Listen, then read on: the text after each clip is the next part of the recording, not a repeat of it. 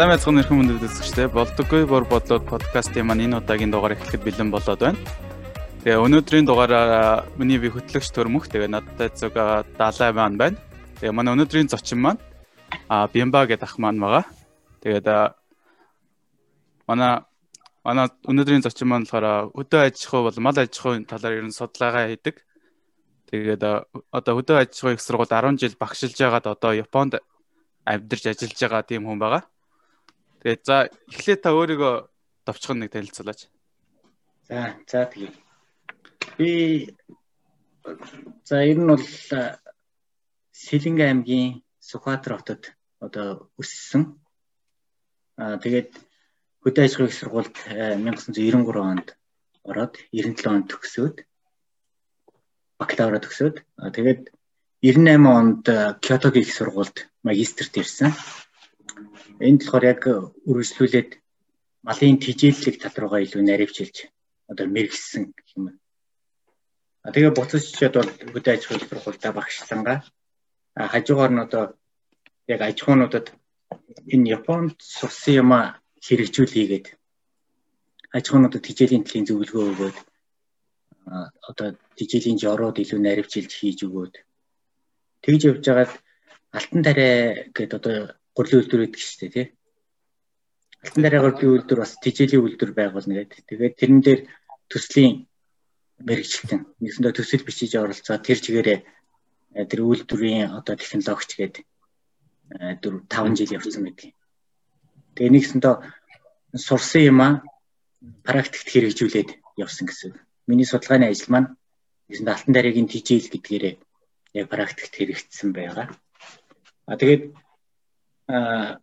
буцаад алтан дараагийн дижитал үйлдвэрийг жигдрүүлчихэд буцаад хөдөө аж ахуйн сургуульд орж багшлаад тэр хугацаанд болохоор судалгаа одоо мал дээр судалгаа хийгээд тэгж байжгаад тэгж явж байхад болохоор Орцын холбооны улсын одоо улаан үд Бурятийн улаан үд хотод юунд докторт 13 оноос сураад судалгаа хийжсэн. Гэхдээ тэрийг одоо бүрэн төгсөөгүй явж байгаа. Одоо PhD student гэдгээр оюутан гэдгээр явж байгаа. А тэгээд тий Японд буцаад ирсэн шалтгаан маань болохоор манай эхнэр энд Японы Кётогийн а бас технологи их сургууль гэж байдаг улсын их сургууль. Тэнд докторт ирээд тэг гэр бүлэрээ бид нэр ирчээд. Тэг би энд одоо болохоор энэ Кёто хотын ойролцоо Нантанги хотод 20 км. Тэнд Хирай гэдэг одоо махны үхний аж ахуйд мэрэгчлэлт хийгээд байж байгаа. Аа. Мэрэгжлийн ажил. Иймэрхүү. Таны яг мэрэгжлийг бол одоо юу малын тижээлийн одоо мэрэгчлэлтэн гэсэн үг үү? Нь бол яг зоо техникч гэж. Монголчлохоор бид нэр болохоор мал зүйч гэж. Мал зүйч ажиллаад байгаа. Тий, мал зүйч. Ер нь биолог суурьтай амтэр гэсэн үг үү те? Илүү биолог хим суурьтай.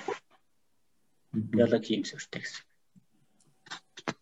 Тэгээ одоо тижэл эхлээд ерөнхийдөө яг л хим талаасаа биохими урвал а одоо тэр малын бие дотор явж байгаа биохими урвалыг судлаад байна гэсэн үг л дээ. Энергийн солилцоо. Ер нь бол яг л ерөөсөө мал аж ахуй гэдэг маань хүнийг одоо энергиэр хангах л суурь байгаа даа шүү дээ. А хөдөө аж ахуй гэдэг маань. Хөдөө аж ахуй шүү. Амир хөдөө тэг хөдөөний л нэг аж ахуй бодогдоод тахаас биш. Яг ингээд тэгэхээр амир уг нь жинхэнэ шинжлэх ухаанчлаг юу юм шүү дээ. Хими юу энэ төр ашигладаг. Оо ер нь бол яг одоо улс орнуудын шинжлэх ухаан чинь хөдөө аж ахуй дээр суйрлаа. Хөдөө аж ахуйгаар л одоо хүн гэдэг амьтан чинь анх одоо тий хөдөө аж ахуй хэлхээс өмнө бол төврийн аж ахуй гэж одоо жимс юмс түүгээл тий ангро хийгээл ингээ явж итлээ. Одоо амьдрал нь батлахаагүй болоод ирэн готл нь нөгөө түүжсэн жимсээ ойрхон авчирч тариал тий. Нөгөө ангро хийжсэн зэрлэг амьттай хашаандаа айлхаар авчирч яваал тэгэл тэднэрийнхээ эвийг болох гэж явсаар байтал ингээ шинжлэх ухаан гэдэг юм хөгжөө явцсан. Одоо нэг тариа тариад малаа хариуллаа тэхэлснээс хойш л ер нь яг эрчимтэй хөгжсөн гэж бас ярьдаг хүмүүс байдаг шүү дээ тийм. Одоо хүмүүс гэж баг тэр үнэн л бахал та тийм. Тийм тэгээ хүн үүсэх баг нөгөө нэг хөгжил нь угаасаа тэндээс яасан тэгээд хүний нийт тоо хүн амч гисэн бүр огцом өссөн гэдэг юм л тийм. Газар тариалангаас болоод. Тийм. Одоо ер нь бол газар тариалан одоо энэ хөдөө аж ахуй хөгжсөнөөс хойш хүний тоо олон болсон. Яг гэвэл нэг хүний урданчин бол одоо өдрийнхөө хоолыг олж идэхин төлөө л одоо тэр хүү нэгдлийн үе ч юм уу тий чулуун цэсгийн үед ч юм уу тэгээд гүгэл явдаг байсан.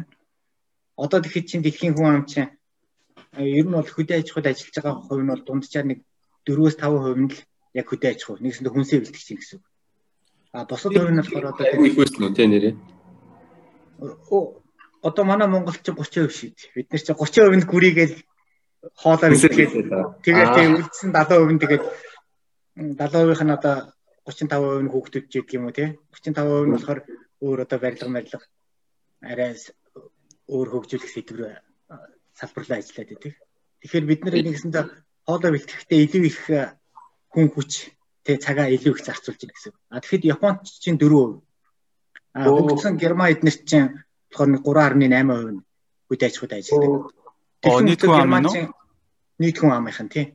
Оо Ердөө 3 4% нь бусдыгаа тижээжж байгаа юм байна шүү дээ. Яг шууд тижээгээ дээр нь экспортлж байгаа байхгүй Герман. Өөр экспортлаад. Өө яа. Тий. Одоо Германы дээр чиз мис сүмүү чинь одоо ерөнхийдөө хямдхан мөртлөө чанартай тий. Гэсэндээ тэрүүгээр би юу хэлэх гээд байна вэ гэхээр хөдөө аж ахуйгаа сайн хөгжүүлж чадвал тухайн улс орн бол илүү одоо баян тансаг ч юм уу тий амар тайван ч юм уу? Сайхан амьдрах боломж байна л гэж. За тэгээд ялч одоо Монгол тий одоо энийг ярьчаад одоо Монголын тухай ярихгүй бол ялч болохгүй тий. Одоо Монгол жишээ нь эрчимжүүлсэн одоо мал аж ахуй гэж яригдаал энэ яригдаал энэ. Тэгээд яг одоо хүртэл ингээд нүүдлийн аж ахуйн ихэнх хувийг эзлээд байгаагээ яг гол одоо юу гэх юм? Шалтгаан ч юм уу? Яг яагаад энэ нүүдлийн нүүдлийн одоо мал аж ахуй маань яг ихэнх хувийг одоо хүртэл эзлээд байна вэ? Таны бодлоор юу гэж бодож байна? Ер нь яг эрчимцэн мал аж ахуй гэдэг маань болохоор нэгж малаас авах ашиг шимийн хэмжээ нь одоо их те. А тэгээ зардал нь бага байвал энэ эрчимжиж гинэ л гэсэн үг. А тэгэхгүй одоо нэгж малаас авах ашиг шимээ зардал өндөртэйгээр аваад байвал одоо өнөөдрийн одоо саяны тэр статистик мэдээгээр хэлсэн шүү дээ. Одоо 30% нь Монголын хүн амын тий ажиллах хүчний 30% нь болохоор хөдөө аж ахуйд ажиллаад байна гэдэг маань зардал ихтэй. А Японых 4% гэдэг маань хүнээр бодвол ингээд арай хүн цаг гэдгээрээ зардал багтай. Тэр тэр хүмүүсийн чинь цалин байгаа шүү дээ. Хамгийн том зардал нь одоо тэр хүмүүсийн өгөх орлого байгаа шүү дээ. Ер нь бол тийм яг хөө цалин орлого бас тэр юм байгаа. А гэхдээ хөдөө аж ахуйд болохоор яг суур ойлголт нь болохоор яг мөнгө гэдгээсээ илүү ер нь бол хөдөө аж ахуйн бүтээгдэхүүн хямдхан шүү дээ. Хаач гэсэн л хямдхан байх хэрэгтэй байна. А гэхдээ Японд яг амжиргааны өртгөө дагаад өндөр байгаа. А гэхдээ яг зардлыг бодох болохоор хүн цаг. Одоо 1 литр сүүг бүтээхэд хэдэн хэдэн хүн ажиллаад хэдэн цаг ажиллаад литр сүү бүтээж байгаа юм чи гэдэг ч юм уу тий. Тэр нь нэгсэндээ эрчимжилтийг нь тодорхойлоод байгаа байхгүй. Нэг хүн нэг өдөр ажиллаад 100 литр ч юм уу 1000 литр сүү үйлдвэрлэчихвэл тэр маань эрчимтэй гэсэн үг. А нэг нэг өдөр ажиллачаал одоо Монголын нөхцөлд бол нэг 20 литр ч юм уу 30 литр сүүл үйлдвэрлүүлэх юм байна. Тэгэхээр эрчимгүй байна гэсэн үг. А тэгэхээр заавал нэг ферм байгаа л одоо нэг тийм малаа тийжээгээл ингүүл эрчимтэй гэсэн яг тийм хатуу тодорхойлолт биш юм биш үү зүгээр тэр одоо үйлдвэрлэлийн гарцаар нь л юм байна тийм ер нь бол тийм нэгсэнтэй аа зөв тийм гарцар нь илүү эрчимсэн бас байж болох юм байна тийм үү тэрөө гарцаатай нүүдэл дээр тийм нүүдлийн нөхцөл маань нэгсэндээ уг нь бол нэгдлийн яг давуу тал сул талууд аль алинд нь давуу тал сул тал байгаа. Нүүдэл байсан, байран байсан тий. Нүүдлийн мал аж ахуй, байран мал аж ахуй. Байран мал аж ахуй мэдээж ингээл гэрээ тойрол нэг хол явахгүйгээр ингээд яваад тахлаар хүндээ чамар, малдаа чамар. А гэхдээ эсэргээрээ ингээд бүх тижээлийг нь одоо хаанаас идэх юм байгаа тий. Тэр таринд багаас хурааж авчраал, бэлтгээл одоо хэрчиж мэрчээл тий. Малтаа ингээд урд нь авчиж гэж мөгнө гэж ажиллах ажил. А нүүдлийг болохоор нөгөө нэг талбаар нь ингээд бэлчээгээд явуулчихна. Аа тэгэхээр ажиллагаа багтаа юм шиг харагдаж байгаа. Аа гэхдээ нөгөө талаараа нөгөө нэг яг байглаас бүрэн хамаарсан. Тэр талбай дээр нь өв сургуул байхгүй бол тэр мал маань зүгээр л яваал энерги шатаагаал тэгээд буцаад ирэх нь. Тэгээ нөгөө махан хатуураад идэм биш үү те. Явуулаад ах тусам өсөхгүй юм нэ. Тэг нь ер нь болоороо малын ч хүний ч одоо энергийн солилцоо идж байгаа энерги нь тий зарцуулж байгаа энергиэсээ их байж ижил нэгсэндээ илүү таргалах ч юм уу тий илүү ашиг шим өгөх ч юм уу тийм байна. Аа гэтэл идж байгаа энерги нь ялангуяа Монголын нөхцөлд бол одоо бага байгаад байна гэсэн. Манай малнууд ч одоо фитнестэй байгаа юм шиг л одоо хөдөлгөөн сайтай тий. Тий илүү шүрмэстэй болно. Тий одоо харьцуулахад хол яваад байхлаар илүү шүрмэслэг болчихно. Аа тэгээд шүрмэс гэдэг маань бас насаа дагна. Насаа дагна. Нэгсэндээ хідэн хідэн өвлө өвлжчихэд ирэхээр яа харахгүй шүрмэслэг байхгүй бол нэгсэндээ байгалийн буцаад байгалийн төрхрөөр орж ийн гэсэн үг шүү дээ. Яг хүн ослохгүй нэг хүний өмч болоод байгаа ч гэсэн хагас зэрлэг гэсэн үг тий одоо Монголын нүүдлийн яаж хав хүмүүс ер нь тэгж яриад байдаг шүү дээ. Тийм шүү дээ. Ер нь бол одоо ялангуяа сүүлийн одоо тэр арчлын жилүүд арчлаас өмнөх болохоор нэг жоохон нэгдэл гээд улсынх гээд тодорхой хэмжээгээр нэг нэг технологи бариад ирсэн. Тийм. Сангийн аж ахуйнууд нь тэр байсан баг. Аж ахуйд гээд тэгээд ирэхээр нэг бэлчээрийн одоо энэ сумын одоо бэлчээрийн газар нутг нь энэ хүртэл байна. Инээс илүү цаашаа явуулж болохгүй. Хаасайгүй нэгсэндээ дураараа нүгэд ээж болохгүй гэсэн тийм хязгаарлалт тавиад өгөхөр тодорхой хэмжээгээр одоо бэлчээрээ одоо зөв зөвхөстэй ашиглаж эхлэх нь шүү дээ. А одооний нөхцөл болохоор дунд говийн малчин хинт рүү явж болно, Сүхбаатар руу явж болно, тий хөсгөл рүү ч явж болно. А тэгэхээр нөгөө хэд чинь зүгээр малаа машинаар туугаад ч юм уу тий мотоциклээр туугаад ч юм уу ингээл хаамаагүй тэнчгэн биш шүү дээ. Тэр малыг Гэтэ юу юу одоо нэг тийм ер нь одоо хөдөө аж ахуйг сургууль дээр ч юм уу тийм судалгаа байдгүй одоо. Одоо тэр сангийн аж ахуй нэгдэлтэй байх үеийн одоо тэр хүн цагаас гарч ирж байгаа малын үр ашиг шим нь одоо ингээд чөлөөтэй байхаас илүү байсан ч юм уу? Эсвэл одоо чөлөөтэй байснаар илүү одоо малын үр ашиг илүү сайбж ирсэн ч юм уу? Тэр харьцуулсан тийм судалгаа ч юм уу тань тийм ер нь мэдээд би бас яг одоохондоо би бол мэдэхгүй байна. Ер нь бол судлаад бас харьцуулсан юмнууд байдаг баг. Та ер нь юу гэж бодож байна? Буурсан гэж бодож байна уу? Тий, одоо жишээ нь нүүдлийн нүүдлийн одоо мал аж ахуй нэлж одоо Монголын соёлын маань хэсэг шүү дээ, тий. Тэгэхээр бас хэдий одоо эрчимжүүлсэн одоо юу гэх юм байрын мал аж ахуй маань илүү их тийм чанар сайтай одоо юу гэх юм орлого сайтай гэсэн бас нүүдлийн аж ахуйгаа бас тодорхой хэмжээгээр хадгалж үлдмээр байгаа гэж ер нь бол бодож байна. Гэхдээ одоо нүүдлийн аж ахуйгаа бас тодорхой хэмжээнд хадгалаад яг одоо хамгийн их тэр одоо үр шимийг авах боломж нь одоо юу байт юм. Одоо тэр тэр яг зөвлөлтийн үед одоо тэр оролдож исэн тэр одоо хагас нэгдэл гэх юм уу? Тэр нь одоо баг хамгийн сайн арга нь юм болоо Монголын нөхцөл та юу гэж бодож байна? Аа яг тэгж бол бас зөвлөхөд хэцүүлтэй. Аа яг тэгвэл тэр мэдээч бүх одоо нэг аж ахуй эрхэлж байгаа аргуудад давуу тал сул талууд байгаа. Аа тэгээд тэр нөгөө зөвлөлтийн үед э, нэг сангийн аж ахуй гэхэлэр нэгэн диктатур гэх юм уу да хүчээр явуулдаг байсан. Малчтад их одоо норм их өгдөг байсан. Ажлын ачаал бас их байсан. Аа тэгээд буцаад нөгөө малчин хүн маань энэ яг миний өмч биш. Одоо нэгдлийн өмч те гэдэг утгаараа бас ханддаг байсан байж магадгүй. Тэгэхээр тэр үед бол тийм сүртэй ашигтай одоо гэх юм уу эрчимтэй гэх юм уу тэгж бол нэг сүртэй явж байгаагүй. А гэхдээ одоо сумын зоотехник ч юм уу сумын малын эмч гээд яг мэрэгчлэлтийн хүмүүс бол тэр малаа ерөнхийд нь хянаад өвчнийг нь те а тэгээ үржлийн чадвар эднэр энэ мэрэгжлийн үүднээс тодорхой хэмжээгээр хянаад явж исэн учраас харьцангуй яг өнөөдрийнхийг бодвол ашиг шим нь өндөр байсан. За жишээлбэл би сүүлийн үед нэлээ хон дээр судалгаа хийгээд байгаа.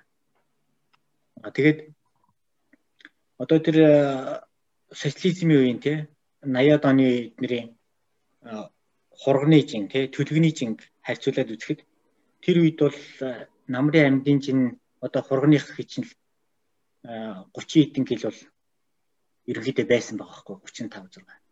А тэгэхээр чи одоо тэр удасны дараа нэг жилийн дараа гэсэн үг.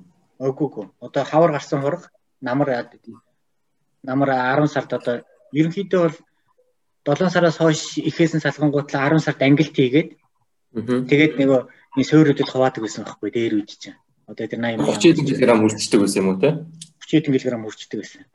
Тэгээ ялангуяа бүр сайн малчных бол бүр 40 30 кг гараал явцдаг. Одоо тэр Намхааны Баатар Матар гэл алтартай хүмүүс байдаг тэр үедээ байсан тий.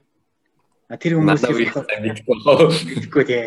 Яг тэр хүмүүс болохоор нөгөө нэг малаа яг ингэж тогтоож бэлчээгээд тэгэхээр тэр үеийн малны чанар ерөнхийдөө сайн байсан л гэж одоо тон үзүүлэлтэр бол тэгж харагдаад байна. Одооных тэгэхэд хургуунууд чи ерөөсөл намрын амьдын чинь чинь 27 8 гэл байгаад байна шүү дээ. Одоо би туршилтандаа ашиглахад чинь тэгэл за сайндаа л нэг 30 30 кг явцсан. 30 хэржээвэл баг одоо хамгийн сайн байна гэсэн үг дээ орчин үед бол гэж тий тэгэж үтээд байна. Тэгэхэд чинь дээр үе чинь 37 6 7 кг бол зүгээр байдаг л үзүүлэлт хийдэг гэсэн. Хүн талаас болохоор аль алийн яг хувьдаа жишээлбэл би мал аж ахуй эрхэлж байгаа тохиолдолд бол аль алийн одоо эвтэйг ашигтай авч явах боломж байгаа. А гэхдээ Монгол улс даяараа гэж ярил Монгол улсад бол жишээлбэл суурин нүүдэл учраас нүүдлийнх нь Монгол улсад маш сайн тохирно. Одоо улсаа бодвол юм байна тий. Одоо хувь бизнесээ хийхээсээ илүү тий. Тийм мэрэгчлэн гэдгээ бодвол надад бол нэгсэндээ бие амраа бодвол байр малгайтай тий. Тий. Тэр нь нэгсэндээ яг хувь хүнд бол амар байхгүй. Одоо яг нэг малчин гэдэг чинь нэг бизнес ч тий. Ер нь бол нэг өрхийн бизнес ч тий. Тэгэхээр тэр бизнесээс одоо хэрэг ашигтай одоо сайн хөгжүүлэе гэвэл яг үндэ Монголч байсан гэсэн тийм фермийн дүү байвал илүү одоо үр ашигтай гэсэн үг үү? Те ер нь бол яг тэр хувь хүндээ ашигтайгаар гэвэл? Тий хувь хүндээ ашигтайгаар ер нь ингэдэг юм байлаа ферм эрхэлж байгаа хүмүүс чинь эхлээд ингээ мөнгө олохоо бодно тий тэгэхээр ингээ хідэн дөр бэлчээрийн мал аж ахуйч гэсэн мөнгө олж чадна. А гэтэл ингээ яг удаан ингээ бизнес болгоод ингээ удаан яваад ирэхээр өөрт нь амар их ядар ядардаг. Нэг хувь хүн нэг айл ч юм уу тий Тэгээд ирэхээр ингээд нэг эсвэл жоохон мөнгөтэй болоод ирэхээр арай нэг суурьндөө байгаад одоо ус цасанд ордог те байнгын ус мустай тийм байх гээд ингээд нэгсэндээ хүн чинь хөгжөөд ирэхээр угаасаа хэрэглээгээ илүү тансаг болгодог гэдэг юм уу тийм. Тийм болоод ирэхээр суурин руу яхахгүй шилж явж байна. Нэгсэндээ монголчууд дотор ч гэсэн бүрээдүүд нь арай илүү ажилласан байдаг. Бүрээдүүд гэхэд бүгдээрээ байшинтай өвлжөөтэй тийм. Тийм тийм. Яг юу тэд нар чинь илүү ажилласаг нэгсэндээ дараагийн шат руугаа орчод байгаа дараагийн шат нь нэгс нь мал аж ахуй хүнээ өөрийгөө бодсон шат нь болохоор яг тэр эрчимцэн одоо суурин гэх юм уу байр мал. Яг хүндээ амар. Тийм болохоор бусад улсууд ер нь аль хэдийн дээр үед бол бүгдээрээ л нүдл юм байсан баг та тий бодвол. Тэгээд ерөөхдөө ингээ хөгжөөд явцсан л юм байна тийм үү? Монгол ерөөхдөө илүү консерватив гэх юм уу илүү уламжлалаа хадгална гэд бас нөгөө талаараа хөгжихгүй хүндээ жоох амар биш байгаад байгаа Тийм тэр тэр бас байна. Тэгээ олон шалтгаан байгаа. Тэгээ бас газар нутг нь тийм бас байгаад байна. Тэгээд ер нь бол одоо газрын гарц нь харьцангуй тэр бус орнуудтай харьцуулахад бага л да. Тэгэхээр нэг газараа угаасаа хийх боломж үлч юм тийм. Тийм болохоор нэг газараа удаан байвал ерөөсөө амархан талхлагчих гээд байдаг. Хөрснө. Тэгээ ургамд урахгүй болчих гээд байдаг. Тэгэхээр том газар нутагтай ч гэсэн метр квадратаас гарч ирж байгаа тэр шимт хижээл нь айгүй бага учраас газараа ингэж хол явж тэгээ хол явж одоо сорчилж идэнэ. Тэгээд нэг жигд жигд ингэж гарахгүй. Одоо Европ төрлөчин бол тэгээд газар нь бол сайхан жигдхэн хар өрштэй. Тэгээд ирэхээр ерөөсөө хаач байсан л баг ургамал сайн ургана гэсэн үг тийм. Япон ч гэсэн одоо энэ хотгордоо газрууд нь бол ургамал их сайн ургаж байгаа. Тэгээд чиг байна тийм бас Монгол ихэд их хөөрэ. Хурдан тий. Хурдумц тийм жилд жилд 500 мм гэдэг ингээд 50 см л хурдумц орж ийн гэж байгаа шүү дээ Монголд чинь тунджаар. Тэгэхээр чи одоо энд чинь нэг үер болчихвол өдөртөө 50 см. Өдөртөө орж байгаа шүү дээ. Тий.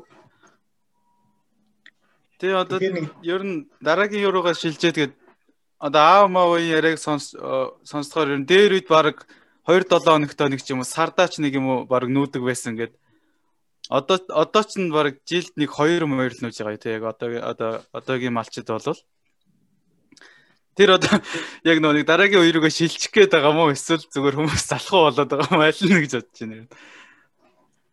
Харин одоо тэр малчтынхаа амьдрал ах үед нэрийг бодоод харуул одоо дараагийн үе бол болоогүй юм тий.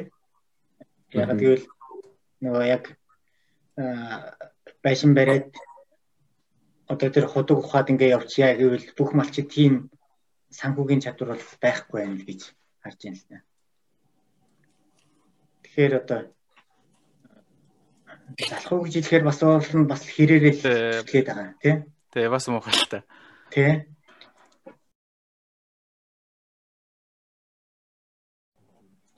Тэгээд одоо хальт хэлээд өнөөдрийн дугаарыг одоо яагаад гол нь хийгээд байгаа вэ гэхээр одоо одоо төрөө хэлсэн шиг одоо манай төрөө би буюу одоо нэг юм дөнгөж 20 гарантай ч юм уу нэг одоо өсвөр насны байгаа хүмүүс. Одоо их ер нь бол ингээд үнийтэд одоо ялангуяа хот хотоор байгаа хүмүүс бол ер нь ингээд мал аж ахуйг ер нь бол нэг их сайн мэдгүй те. Нэг аав ээжийнхээ ярианы сонсдог ч юм уу. Монгол улс маань нэг малын их орон гэлээ. Гэхдээ нэг 70 сая малтай 80 сая малтай гэл тэгсэр нэг их одоо тэрнтэй холбоотой нэг их бизнес ч юм уу тэрэнд яг юу болдог талаа нэг их мэддэггүй Тэгсээр нэ уг нь тийм их одоо нөөц болцоо байгаа юм чи уг нь бол хамгийн том бизнесийн ч юм уу өшөө цаашаа ингээд залуучууд оролцоод хөгжөөд явуулах айгүй том салбар байгаад идэг. Тэгээ бид нар сайн мэдтгүн болов гэд одоо Бямбаахын яриг дээр үед тэр Киото хотод бид сонсож байхдаа ингээд сонсоод надад бүр амар сонирхолтой санагдчихсан болохоор Бямбаахаас өнөөдөр ингээд одоо иймэрхүү юмнууд гоё яриулъя гэд урьсан байгаа. Аа. За тэгээд баярлалаа. Өрсөнд нэр баярлалаа. Би юу ч хэлэхгүй тэгээ шууд яриад эхэлсэн биз дээ. Таны одоо юу штэ одоо ийм ундаг одоо бүр мэрэгчлээ хүнийг гэж ярьж байгаа нь бид нар бас айгүй гоё байна одоо айгүй олон зэ мэдхгүй юмудаа гоё асууж аваад та ерөөхдөө бол сая яаж шиг хонь тэгээд үхэр хоёр дээр их судалгаа хийж ирсэн юм байна тийм үү? Ер нь бол яг хөө ихний яг Японоос очисны дараа одоо тэр чинь магистр Японд байхдаа хийсэн судалгаа болохоор хонь ямаан дээр хийж ийсэн. Одоо Япон чинь Бивар гэдэг одоо Кётогийн сургуулийн хажуу талд яг малын байр байдаг байхгүй. Тэрэн дотор өөрөө хониод ижин шүү дээ. Яг өөрөө хониод ижигээл юу идэж чинь. Одоо хонь гэдэг чинь яг бас л адилхан хүн шиг адилхан тийжэл ингээд өгөн гутлан тэрнээс дуртай юм аа идэ дургүй юм аа үлдээ чинь бас. Тэгэн гут нь яг энэ тийм бастыг нь чинь. Тэгээ өвснүүдийн алийн идэх дуртай, алийн идэх дургүй юм те. Яагаад идэхгүй байх гэдэг ч юм уу те. Тэгээд мэдээж л одоо тэр ашигтай ажиллахын тулд тэр бэлтгэсэн тийжээ бүгдийг идэх гэж үзэн шүү дээ. Тэгээ үлдээс нь яагаад хатуу болоод үлдээгээд байна уу те. Эсвэл ямар нэгэн бодисын чанаргүй болоод үлдээгээд байна уу те. Ямар бодисыг илүү хийддэг юм бэ? Одоо эслэг ихтэй байвал илүү иддэг юм байна уу? Уурэг ихтэй байвал илүү иддэг юм байна уу? Тослог нь бас таарах хэрэгтэй байна уу гэдэг ч юм уу те. Эрдэс давс нь ямар байх хэрэгтэй байна гэдэг. Тэр балансыг олох гэдэг одоо манай мэрэгжлийн чи одоо нэг тиймэрхүү л ажил хийдэг болсод байна. Ямар юм одоо амар практик нэм асуумаар юм л да. За одоо энийг ингээд сонсож байгаа одоо тий одоо нэг мал аж ахуйтай ойрхон ч юм уу тийм гэр бүлтэй ч юм уу тийм хүүхдүүд энэ төр ингээд хүмүүс сонсож байхад сонсож байвал одоо ингээд аюу одоо одоо өнөөдөр гараад шууд хэрэгжүүлчих болохоор ч юм уу одоо яг одоо Монголд байгаа одоо манай малчид нэг сайн мэдгүй байгаа тийм жижигхэн тип юм уу одоо зөвлөгөөч юм уу одоо ингэчүүл манай одоо тэр таны ярьсан шүү дээ сая жишээ нь хурганы мах жишээ нь ихэд л намрын жин нь ингээд амар буурчаад байгаа ч юм. Тэр жишээ нь одоо тэрийг ингээд сайжруулчих болох тийм айгүй гарын ойрхон ч юм уу тиймхүү юмнууд юу байдаг вэ? Ингээд таны бүр тааруул хийх юмсан гэж боддог. Өөрийнхөө судалгаа судалгаараас үндэслээд одоо нийт малчтад тий хамгийн ихний зөвлөгөө юу юм бэ гэдэг. Аа тэр нь болохоор ерөнхийдөө одоо бэлчээрт явахаар Монголын бэлчээрийн өв сургамлуудад одоо зуны үйлрэлч вэ, өвөлч вэ, өвөл бас шар өвс идэв шүү дээ тийм. Тэгэхэд уургийн энерги бол тодорхой хэмжээгээр байдаг. Одоо нүүрс ус тийм. А тэгэхэд уург нь бол яа харахгүй дутаад байдаг. Тэгэхэд энерги уурга хоёрын тодорхой хэмжээний баланстай байж ич нэгсэн чинь тухайн малд маань яг шимтжээл болоод одоо дулааны биеийнхэн дулааныг нь бариад тодорхой хэмжээний одоо өөх махын бий болгоо тий арьс үсийн бий болгоо явдаг. А тэгэхээр тэрэнд уурга жаахан дутаад байдгийг нь бол харагддаг. Протеин дутаад байдаг байх нь шүү дээ. Монголын өвснөөс гэсэн үг шүү дээ тий. Тий Монголын өвснө. Одоо тэр говийн ч хангаан ч өвснөөс. А тэгээд уураг жоох нэмчихвэл а тэгээд уураг дутангуутлаа кальц дутаад байдаг. Энэ хоёр бол хамгийн том дутагдaltaй байгаа нийт бэлчээр ерөнхий Монголын бэлчээр дээр. Тэр яаж малт хямдхан аргагүй. Одоо малт бол бид нэр өөрсдөө эргэлдэх шиг үнтэй уураг энэ хэрэглэхгүй л байна тий. Шүү дээ. Одоо малаас уг нь бол өөрөг авах гэдэг болсон. Тийм. Малдаа өөрөг өгнө гэдэг ихээр. Тэгэхээр одоо бусад орнууд болохоор их эхэндээ болохоор одоо шар буурцаг их тариалж тэгээд мал малаа одоо шар буурцагт хижээж уурга хангадаг. Одоо Америк ч гэдэм одоо ч гэсэн тийм л байгаа л да. Канад эднэр тий. Аа тэгээд тэгээ явж исэн чинь шар буурцагчийн угаасаа ургамлууд хамгийн уурга сайтай ургамл байгаад. Тэгээ одоо хүмүүс нөгөө веганууд веган хүнсдэн гэл тий. Тий.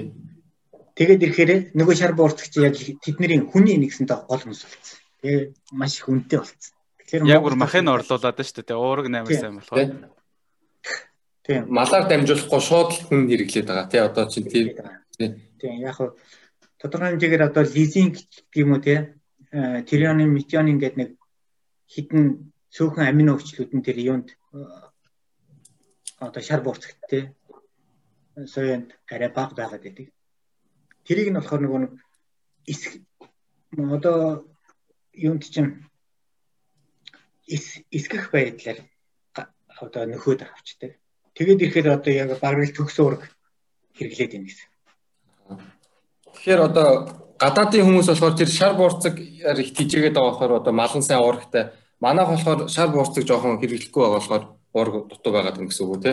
Манай А тэгээ Монголын нөхцөл болохоор яг одоо бол хэвг тодорхой хэмжээний уураг арай их. Доторх нөгөө нэг цардуулыг авчаар одоо өөр хөвглийн хэсэг нь хальсных хэсэг нь уургийн агуулмж нь арай их болоод ирдэг.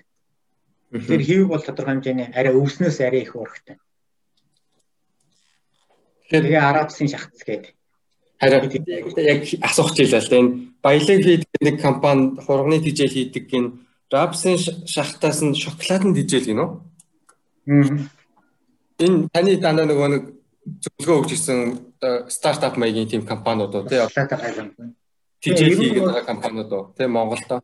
Ер нь бол тийм дэлхийн нийтээр одоо аль хоо тэр хүнсний хаягдал уургийн ямар хямд өвсрүүд юу вэ вэ гэдэр ихээр хүнсний үйлдвэрийн хаягдлууд тий одоо тус гаргаад тосны дараах шахац тий арх үйлдвэрлээд пи үйлдвэрлээд тэрний дараах одоо шаар гэдэг байгаа тий тэд distillers grain гэдэг байгаа одоо нэгсэндээ эсгсний дараах үйлдвэрлэл одоо тондоо эсгэн нэр үзтээ тий тэднийг илүү тижээлд илүү ашигладаг болж байгаа.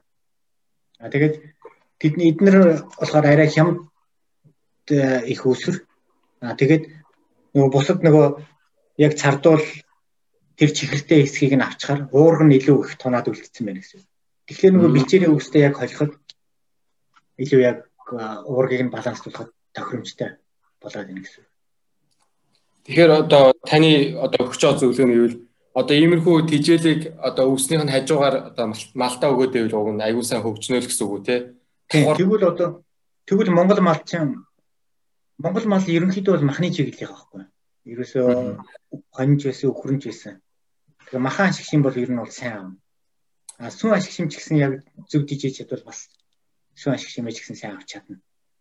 А тэгтээ нөгөө удирлаасаа болоод нөгөө зуны 3хан сард хамгийн тохиромжтой үе байгаа даа шүү дээ. Гэтэл хүний хэрэглээ болохоор жилийн дөрвөн улирал тий 367 хоногт хэрэглээ байгаад байдаг. Тэгэхээр тэрийг бас яаж тодорхой хэмжээгээр шилжүүлэх вэ гэж. Тэгэхээр тэгэхээр яхахгүй бас байр малгай хэрэгтэй болоод байгаа. Бас нэг одоо жоохон дайли асуулт асуухад одоо Монгол малын мах арай амттай амттай гэдэг яриад байдаг шүү дээ тий. Жишээ нь тий шүүслэг мөслөг гэдэг юм. Та одоо сая түр Монгол мал одоо махны чиглэлээр гэж хэллээ. Одоо яг тэр яг хэр одоо Монгол махны одоо амтнах юм уу? Тэр нь одоо их яг хэр үний юм болоо тэр яриа. Тэр талаар хийсэн судалгаа байд юм болов? Харин судалгаа байхгүй. Судалгаа их бага байгаа. Ер нь бол тэгээ ялангуяа нөгөө нэг бид нэр жишээлбэл махаа гаргах ч юм уу те одоо олон улсын зах зээл гаргахын тулд тийм эрдэм хийлгээний тийм өгүүлбүүд олон улсын сэтгүүлүүдэд маш олноор хэвлүүлэх хэрэгтэй тэгжээж нэгсэндээ дэлхийн нийтэд танигдана. А амтны үед бол одоо тэр чинь бид нар багасаа сурцсан учраас Монгол малынхаа мах хэрэг илүү амттай гин штэ. А тэгээ бусад нэгсэндээ Япон Украин мах ч юм уу одоо өөр одоо Европын мах ч юм уу тэрийг одоо сурснараа Монгол өхрийнхаа махтаал харьцуулж бид нэр. Тэгээ багасаа сурцсан амт учраас биднэрт бол яа харахгүй Монгол малын мах маань амттай. Сурцсан учраас. А гэхдээ бас нөгөө талаараа бол одоо Монгол дотроо ч гэсэн говийн малыг махыг илүү их амттай тий хангайх одоо ус амтагдсан совс гэдэг юм шиг тий. Тий. Одоо энд ч гэсэн одоо бас илүү тэр тижээсэн малын мах нь илүү усрахаг совс гэдэг тий.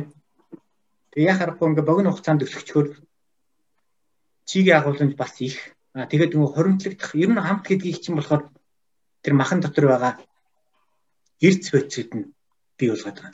Одоо нэг давс гэсэн үг шүү дээ тий. Аа янз олон төрлийн тий одоо төмөр өмөрч гэсэн орно силен, цайр майр гэл маш олон төрлийн эрдэс бодисуд тэд нар нийлээд нэгсэнд хамт гэдгийг чинь бий болгочих бид хэрэгтэй бодисод орж ирж байгаа учраас бид нэр хамттай байна гэж хэрэгжилж яах нь шүү дээ. Тэгэхээр илүү бид хэрэгтэй бодис ихтэй байх гал юм тийм үү Монгол малууд жоохон. А ер нь бол тэгж ойлгож байна. Одоо яг бэлчээрээр явахаар одоо өөхнийх нь агуулмж гэсэн ханаагүй тосны хвчлүүд гэдэг тэр агуулмж нь өндөр байдаг. Одоо байр малгайтай бордсон малын дэр гэдэг. А байр малгайтай бордсон мал нь болохоор хансан тосны хвчлүүд гэдэг. Одоо жирийнээр ойлгвол одоо маргарин заргарын хуур юм уу тий? Маслоо. Тийм маслаас шиг тийм тос ихтэй. А гэтэл Монгол малын мах болохоор нэг олив ойл майл шиг тий. Тийм тос ихтэй гэсэн. Монгол малын тос нь арай жоохон ханаагүй гэхээр арай дээр тос байна гэсэн үг тий. Хүний бие ханаагүй тосны өчлөөд тэгэхээр тийм арай арай шингэж цайтай. Тийм шинг нэгдүгээр шингэж цайтай хоёрдугаар одоо хоргоожүүлэх чадвар сайтай. Тэгсэндээ хотод гэсэн дотор ч бас янз бүрийн ингээд эсэлтэлтийн явцад нэг альдгид мэлдгид гэдэг их хортой байцуд их үүсдэг. Тэрийг хүнс маань өөрөө бас саарамжуулж өгдөг байна. Саарамжуулахгүй бол ингээд гиз хотод өвдөх нь шүү дээ тийм. Тэр өвчин өвчин болох нь шүү дээ. Одоо цус руу одоо хамаагүй хүчлэг байцуд бид нэр ороод.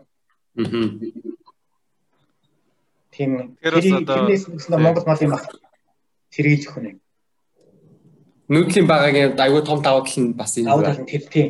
Тэр нэгсэндээ баг эмчилгээний чанартай гэж хэлж болох үз. Тэгэхээр анагуудас гэдэг нь одоо тэгээд хөдөлснөөс үүсдэг байх нь тий одоо хөдөлгснөөс гэх юм уу?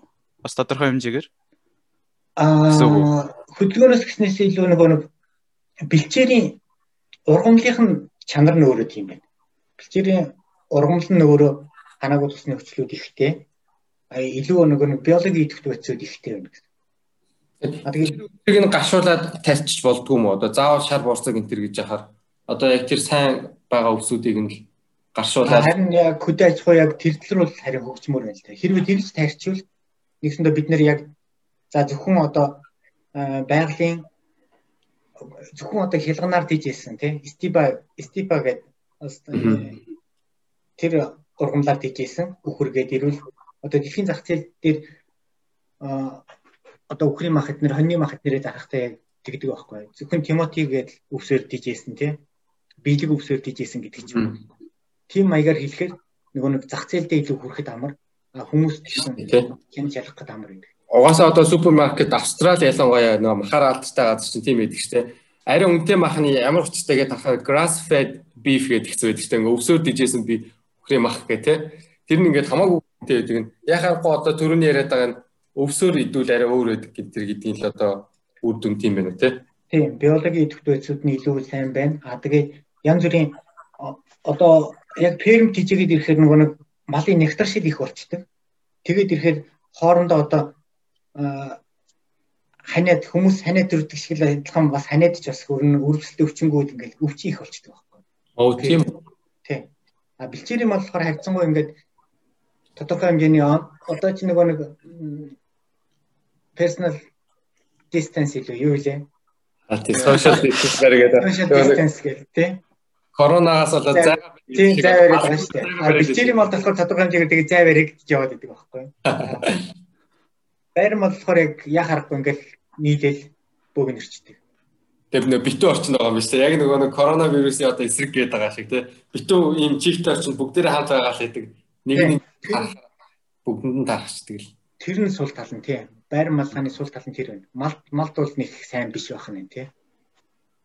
А тэгээд бас тэр нөгөө нэг одоо малын мах амт гэдэг дээр э, миний тэр магистртаа хийсэн тэр түрүү хилээдсэн шүү дээ. Би тэр одоо өвстэй газар мал тогтдгоо, жаргалтай газар хүн тогтдгоо гэсэн зөөр үгний би өвстэй газар мал тогтдгоо гэдгийг нь өөрийнхөө судалгаагаар олцсон гэдэг байгаа шүү дээ. Тийм. Аа за ягаад одоо өвстэй газар ягаад тэр өвстэй газар мал вэ гэд үзсэн чинь өвс нь ингээ өндөр байх тусмаа одоо өвсөн дотор байдаг лигнин гэдэг одоо нэгсэндээ арга ясна гэсэн үг. Одоо илүү хатуу тийм эслэг. Аа. Үсийг бүрдүүлж идэг. Тэр нь илүү их байдаг байна. Лигнин. За. Тэгэхээр намхан байх тусмаа лигнин бага байна. Тэгээд ирэхээр өндөр өвстэй байх тусмаа нэгсэндээ бид нэр нэ одоо хэрзээсэн одоо мүлжцэн ясыг урд нь аваалчаад энийг идгээд байгаад адилхан байгаа байхгүй өндөр өвстэй газар. А тэрийг яг тэр хатуу эсийг нь болохоор мал жоох идэх дургу байдаг юм байна. Дургу тэр чинь угаасаа идлээгээд нэг шим жижиг болохгүй. Тэрийг мал бас мэдээд нь шүү дээ. Тэгээд хүн харахад бол зүгээр өндөр өвстэй байгаа тэр яг хоёр өвстэй ном ногоон сайхан ногоон талбайд байгаад байдаг. Тийм. Э тийм болохоор одоо бас малчтад шууд өгөх зөвлөгөө тийм биш дээ бас. Аль болохоор нэг өндөр өвстэй биш. Нэг 20 30 см тий. Болж игэл тэгэл 15-аас 20 см-ийн хооронд ургацсан байгаа бэлчээрийн өвс бол хамгийн шимтгийжэл одоо сайтай байдаг гэж байгаа байхгүй. 15-20 см гэдэг чинь одоо ганц төөс шүү дээ. Тийм үү. Тэрнээс өндөр болчихвол тэгэл Тэрнээс өндөр болчихвол одоо лигнийн нэг болоод нөгөө хэрзээс яс урд нь оолчих чинь гэсэн. А тэрнээс бага байвал одоо яг жинхэнэ тарган мах урд нь тавглаа тавьж ийн гэсэн.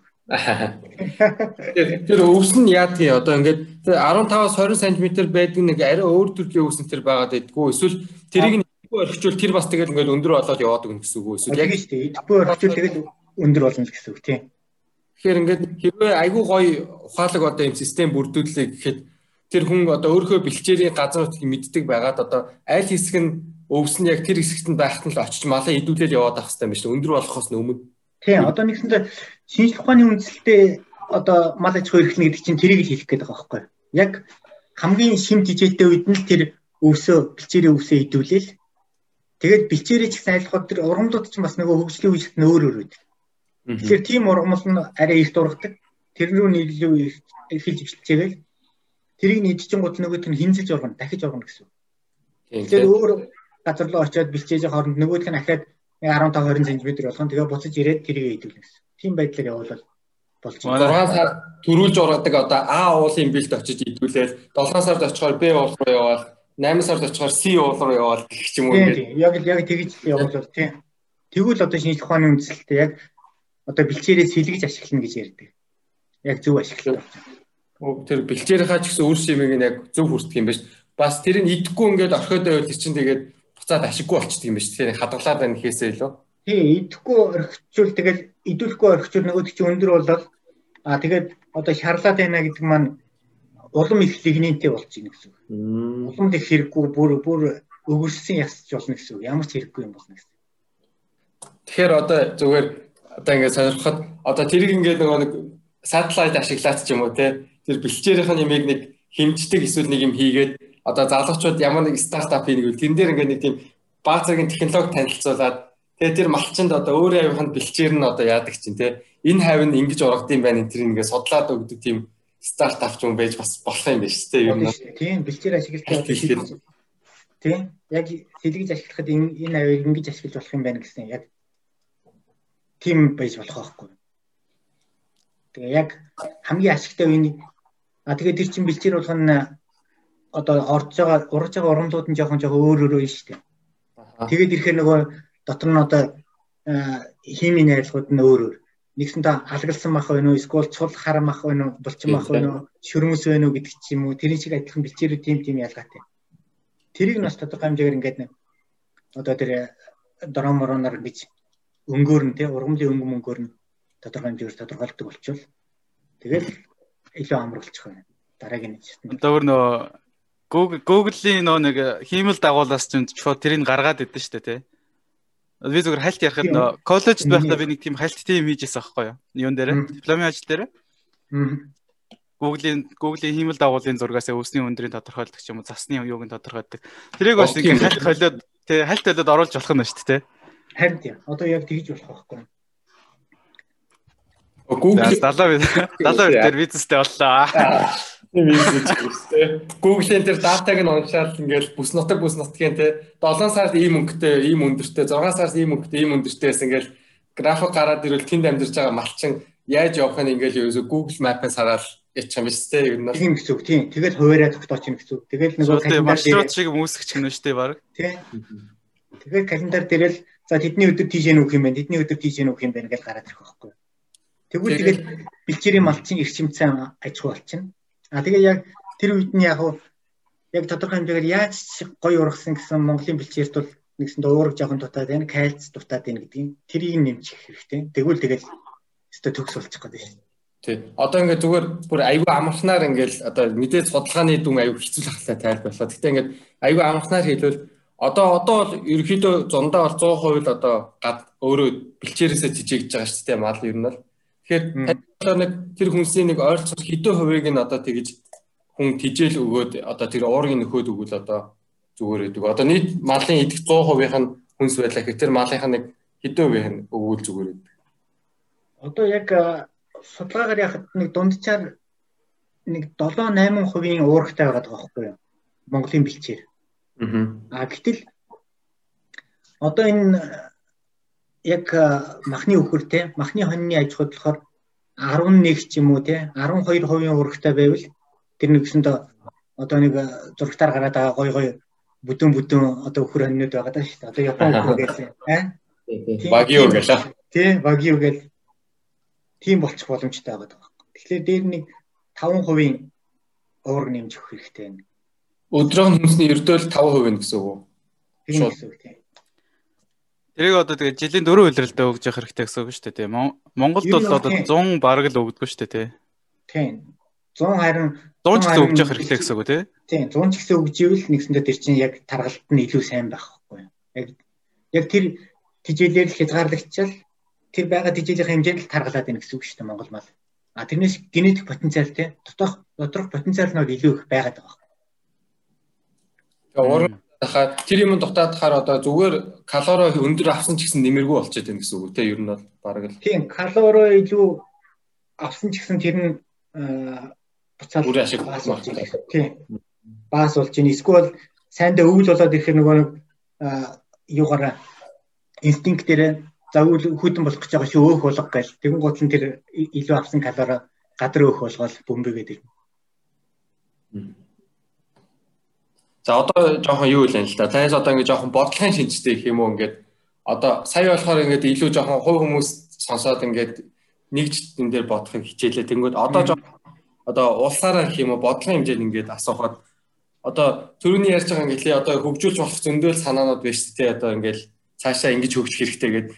Ингээд байж байгаа юм одоо гадны улсууд ер нь ингээд мал аж ахуйгаа яа улс нь ингээд бодлохоор одоо тэр хөдөө аж ахуй яам энэ хөгжүүлээд санхүүжүүлээд явдаг юм уу эсвэл одоо Япон та бол Орос Японд ер нь бол судалгаа хийж байгаа юм байна шүү. Тэгэхээр энэ хоёр улсад зөвхөн хувийн компаниуд өөрсдийнхөө ашигын төлөө судлаад хоорондоо хуваалцаад явдаг уу? Юу ямар хувь бол тийм үү? Судалгаа шинжилгээ. Энд э, Япон ч гэсэн Оросд ч гэсэн ерөнхийдөө бол одоо мэрэгчлүүд нь одоо малынхаа өвчнөөс сэргийлж байна.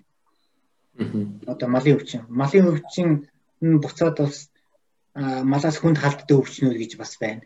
Тэр нь одоо нэгсэндээ нийт улсын одоо аюулгүй байдалд бас мэдээж хортой тийм ажиллаж байгаа хүмүүстэй ч гэсэн хэрвээ малаас өвчин аваад ивэл тэр чинь их аюултай болчих шүү дээ.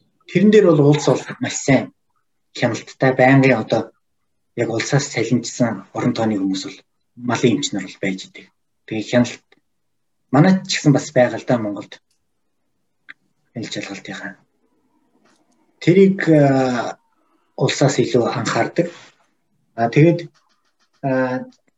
ерөнхий одоо дутаад байгаа тижээлийн одоо нөөц байна тийм. Тариалт байна. А тэрийг бас бодлогын чанартайгаар тодорхой хэмжээгээр одоо баг хүүтэй зээлж идэх юм уу тийм. А тийм байдлаар дэмжиж өгнө. Ялангуяа хийж байгаа хүмүүстэй хүн дэмждэг бахан гэсэн үг тийм. Малын хийж байгаа хүмүүстэй Тариалангийн Монгол ч гэсэн ерөнхийдөө тэр бас явагддаг л да. Гэхдээ бас хангалтгүй байгаа даа нөө эсвэл одоо бас технологи барьж байгаа барихгүй байгаа гэдэг юмнууд бас байгаад байна тий. А энд болохоор Японд болохоор маш сайн технологи маш сайн өгдсөн байна. Тэгэхээр одоо нэгжээс авж байгаа, нэгж талбайгаас авж байгаа ургац хэмжээ өндөр байна. А тэгээд ер нь бол гарц өндөр байна л да. Бүтээмж өндөр байна. Тэгэхээр Эхлэн тэр одоо малчиж ингээл ер нь 100% одоо хувийн өмч байгаа шүү дээ. Одоо улсын өмч юм уу нэг гээд тахын байхгүй бах тий. Одоо тэгэхээр тэр одоо малын тэр гарцыг сайжруулах одоо та бол одоо яг ингээд судалгаа хийгээд одоо Японы компанид ажиллаж байгаа гэхэд одоо Монголынхоо тэр нэг яг Монгол малдаа зойсон судалгаа хийгээд энийг ингээд хөгжүүлээд тэг ингээд хөгжүүлсэн технологи даа нөгөө малчтаа хувийн аж ахуйдаа зааж өгдөг ч юм уу. Тийм талаас нь одоо улсын дэмждэг юм байдаг уу? Эсвэл тэр тэгж хөгжүүлэх нь угаасаа өөр ашигын хувийн малчид хүртэх болохоор хувийн малчид нь өөрсдөө хийх ёстой байдаг юм уу гэж л одоо сонирхоод байна л да. Япончууд ч юм уу чинь яа тийм болоо. Тэгээ ер нь би бас яг тийм бүр бодлогын чанарын юмыг бол сайн судлаагүй. Одоо арай микро төвчний судлаач. Энэ байрлал тэр яг аж ахуйн хэмжээнд. А тэгээ ажиг гэхдээ зүгээр ажиглаад байхад бол ерөнхий ингээд нөгөө одоо компани ашигынхаа төлөө хөрөнгө оруулалт бол компани өөр өөрөө хийж явчихна. А тухайн тэр компани одоо гаднаас нөлөөлөх одоо тэр өвчин ч юм малын өвчин ч юм уу тий. А эсвэл одоо тэр тижилийн одоо шар бүртгэний хомсдол тий. Одоо Канадад нэг гам гацэг боллоо гэхэд ч одоо тижилийн төвийг Канадаас авдаг, Австралиас авдаг тий. Тэрэн дээр бол нэгсэндээ засгийн газраас нь таталтыг нь аваад одоо Японы хөдөө аж ахуйн холбоо гэдэг GA гэдэг. Тинчнээс ерөнхий их томоор нь гэж нөгөө нэг зохицуултаа хийдэг. Нийт нөөцч байдаг юм уу тий. Тэгээд нөгөө аж ахуйнууд ч юм болохоо жижигэн жижиг аав штэ. А тэгэхээр улсаар бол их улсаар бол их том худалдаа авалт юм. Тэгэхээр том худалдаа авалт улс хооронд хийчихэр чинь хамаагүй нэгдүгээр худалдаа авалтын үнийн дүн тий нэгжийн үнийн дүн хямдхан болоод ирнэ. Болчихсон тий. Хамаагүй тийм томороо ирэхээр амар болчихно. Тэрийг нь болохоор нэгсэн улсаас зохицуулаад өгч байгаа. Монголд одоо тийм малчтын холбоо ч юм уу тийм байдаг уу юм? Айгу үр дүнтэй яг жинээс ажилдаг. Харин сайн ажиллаж чадахгүй нэ. Уул Монголд одоо хошоолагчдын холбоо гэж байгаа. Тэгээд мал зүйчдийн холбоо гэж байгаа. Тэгээд тэр яг жинхэнэ утгаараа ажиллаж чадахгүй байгаа. Тэгвэл нэг хэдхэн би бас тэр ажиллагааг нь мэдэхгүй болохоор одоо тэгээд гаднаас бас яг шууд ер нь бол шүүмжлэлтэй хэлээд тийм. Ер нь ажиллахгүй байна. Тэгээд ер нь яг бүртгүүлсэн одоо тэр өөрөө таслахаатай хүмүүс бол байдаг. Яг юу хийдгийг нь бол жишээлбэл мэрэгчлэн ярьж бол би мэдэхгүй байгаа. Одоо яа би би болохоор яг шал өөр салбарын хүн ч гэсэн ингээд анзаараад хад яг тэгдэм шиг санагдаж байгаа. Одоо ингээд одоо жишээ нь манай барилгын салбар байлаа гэхэд барилгын тийм нэг холбоо байдаг. Барилгын одоо барилгачдын холбоо ч юм уу Японд. Тэглээ гэхэд тэр барилгын салбарын одоо холбогдлолтой бүх компаниуд ингээд айгүй бага хэмжээний ингээд жоохон одоо хураамж гэх юм уу тий одоо membership fee гэх юм уу төлөөд тэгээ тэнд нэг юм баг зэргийн сан үүсээд тэгвэл тэр сан буцаад их сургуулиуд дээр очиод залуу барилгачтай дэмждэг ч юм уу тэр барилгын салбарынхаа одоо ноу хавыг нь дэмжих тэр юм руу буцаад тэр нь ингээд хөрөнгө оруулаад залуу хүмүүсээ бэлдээ. Тэнгүүд тэр компаниуд нь тэрнээс нь урт хугацаанд илүү ашиг аваад явдаг ч юм уу. Мэргэжлийн холбоод гэж уг нь бол нэг тиймэрхүү систем байдаг. Мал аж ахуйд ирсэн уг нь бол Японы тэр бол байгаа бах тий. Тийм Японы одоо тэр яг нийт яг хөдөө аж ахуйн холбоо гэдэг нь их том холбоо байгаа. Тэрний дотроо одоо банктай байна тий. Мэргэжлийн үйлчлэгээнүүд үзүүлдэг газрууд байна. Одоо амь болгоны GA гэдэг ирэхээр чинь тэгэл үрийн одоо таримл ургамлын үрийн фондуудыг нь бас бүгдийг агуулж байна. Нэгсэндээ яг технологи талаас нь бол яг суурь нь болоод өгдөг байхгүй тэр холбоо. Нэгсэндээ энэ яг санхүүжүүлдэг вэ гэхээр бүх одоо тэр мал аж ахуйтай холбоотой бизнес эрхэлж байгаа хүмүүс баг зэргийн тим юмар тий. Тийм, жилийн хураамж өгнө тий. А тэгээд буцаад нэг улсаас нь бас тодорхой хэмжээгээр тэр холбоогоо бас санхүүжүүлээд явдаг гэж сонсч байна. Аа зөв. Тэгээд манайх чинь энэ их малтай гэж одоо энэгээр амар баярхаад байдаг. Энийг яг одоо ингээд зөв гол төр зовоолаад ер нь экспортын тийм чиглэл рүү орох юм бол Хант ер нь ер нь бол яг экспортын чиглэл рүү оруулчвал одоо Монголын мал аж ахуй илүү сайн хөгжих гээд байна л да. А тэгэхгүй зөвхөн ингээл дотооддоо гээд ирэхээр яг үндэ бол одоо бидний бүгднгийн л хамаатан садан ч юм уу те өвөө эмээ хөдөө байгаа учраас дотоодд бол бараг л тэр мах сүү авдаггүй хүмүүс их байгаа даа. Яг дээ. Тэгэхээр хамаатан саднасаа тийм хямдхан авчин эсвэл бараг үнгүй 100 очиод наалбтай юм шиг бас эдэн бэлтгэсэн ааруул орууд байсан тийм. Эдсний өхөр мал гэл ингээл. Тэгэхээр дотоод зах зээл бол арай бага байгаа. Гадаад зах зээл рүү бид нэр хандаж чадвал илүү яг малчтай цэвэр орлого болохоор Монгол улстай ч гэсэн яг орлого болчихоор байгаа.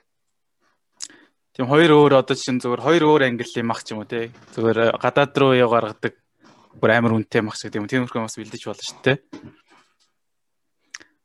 Тэгэхээр яг аль нь одоо яаж аль нь одоо бие бинийг л дагуулж явах л ахalta одоо нөгөө гадагшаа урсгал үүсгэх юм бол одоо тийм мал аж ахуйг нь юу чанар нь сайжраад эхлэн. Тэгээ чанар нь сайжрангууд улам их нэг урсгал нь томроод явна гэдэг юм уу те.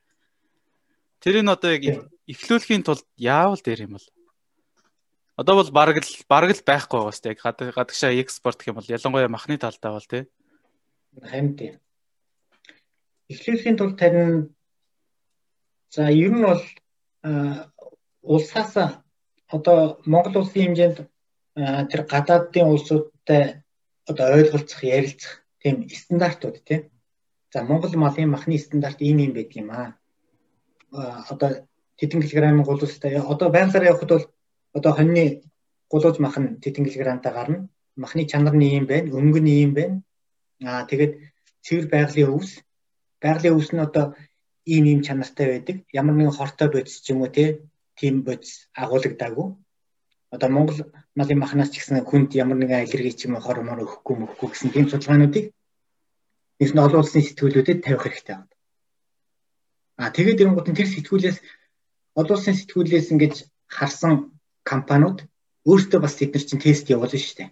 Бас тодорхой хэмжээний дээж аваад ингээд тэрийг нь баталгаажуулж аваад тэгээд нэгсэндээ яг тэр олон улсын экспорт худалдааны гэрээнүүд хийгдэж явах байхгүй. Тэрнээс ямар ч мэдээлэлгүй тохиолдолд бол эхлэгчгүй мэдээлэл байхгүй учраас сонирхохгүй байх юм шиг.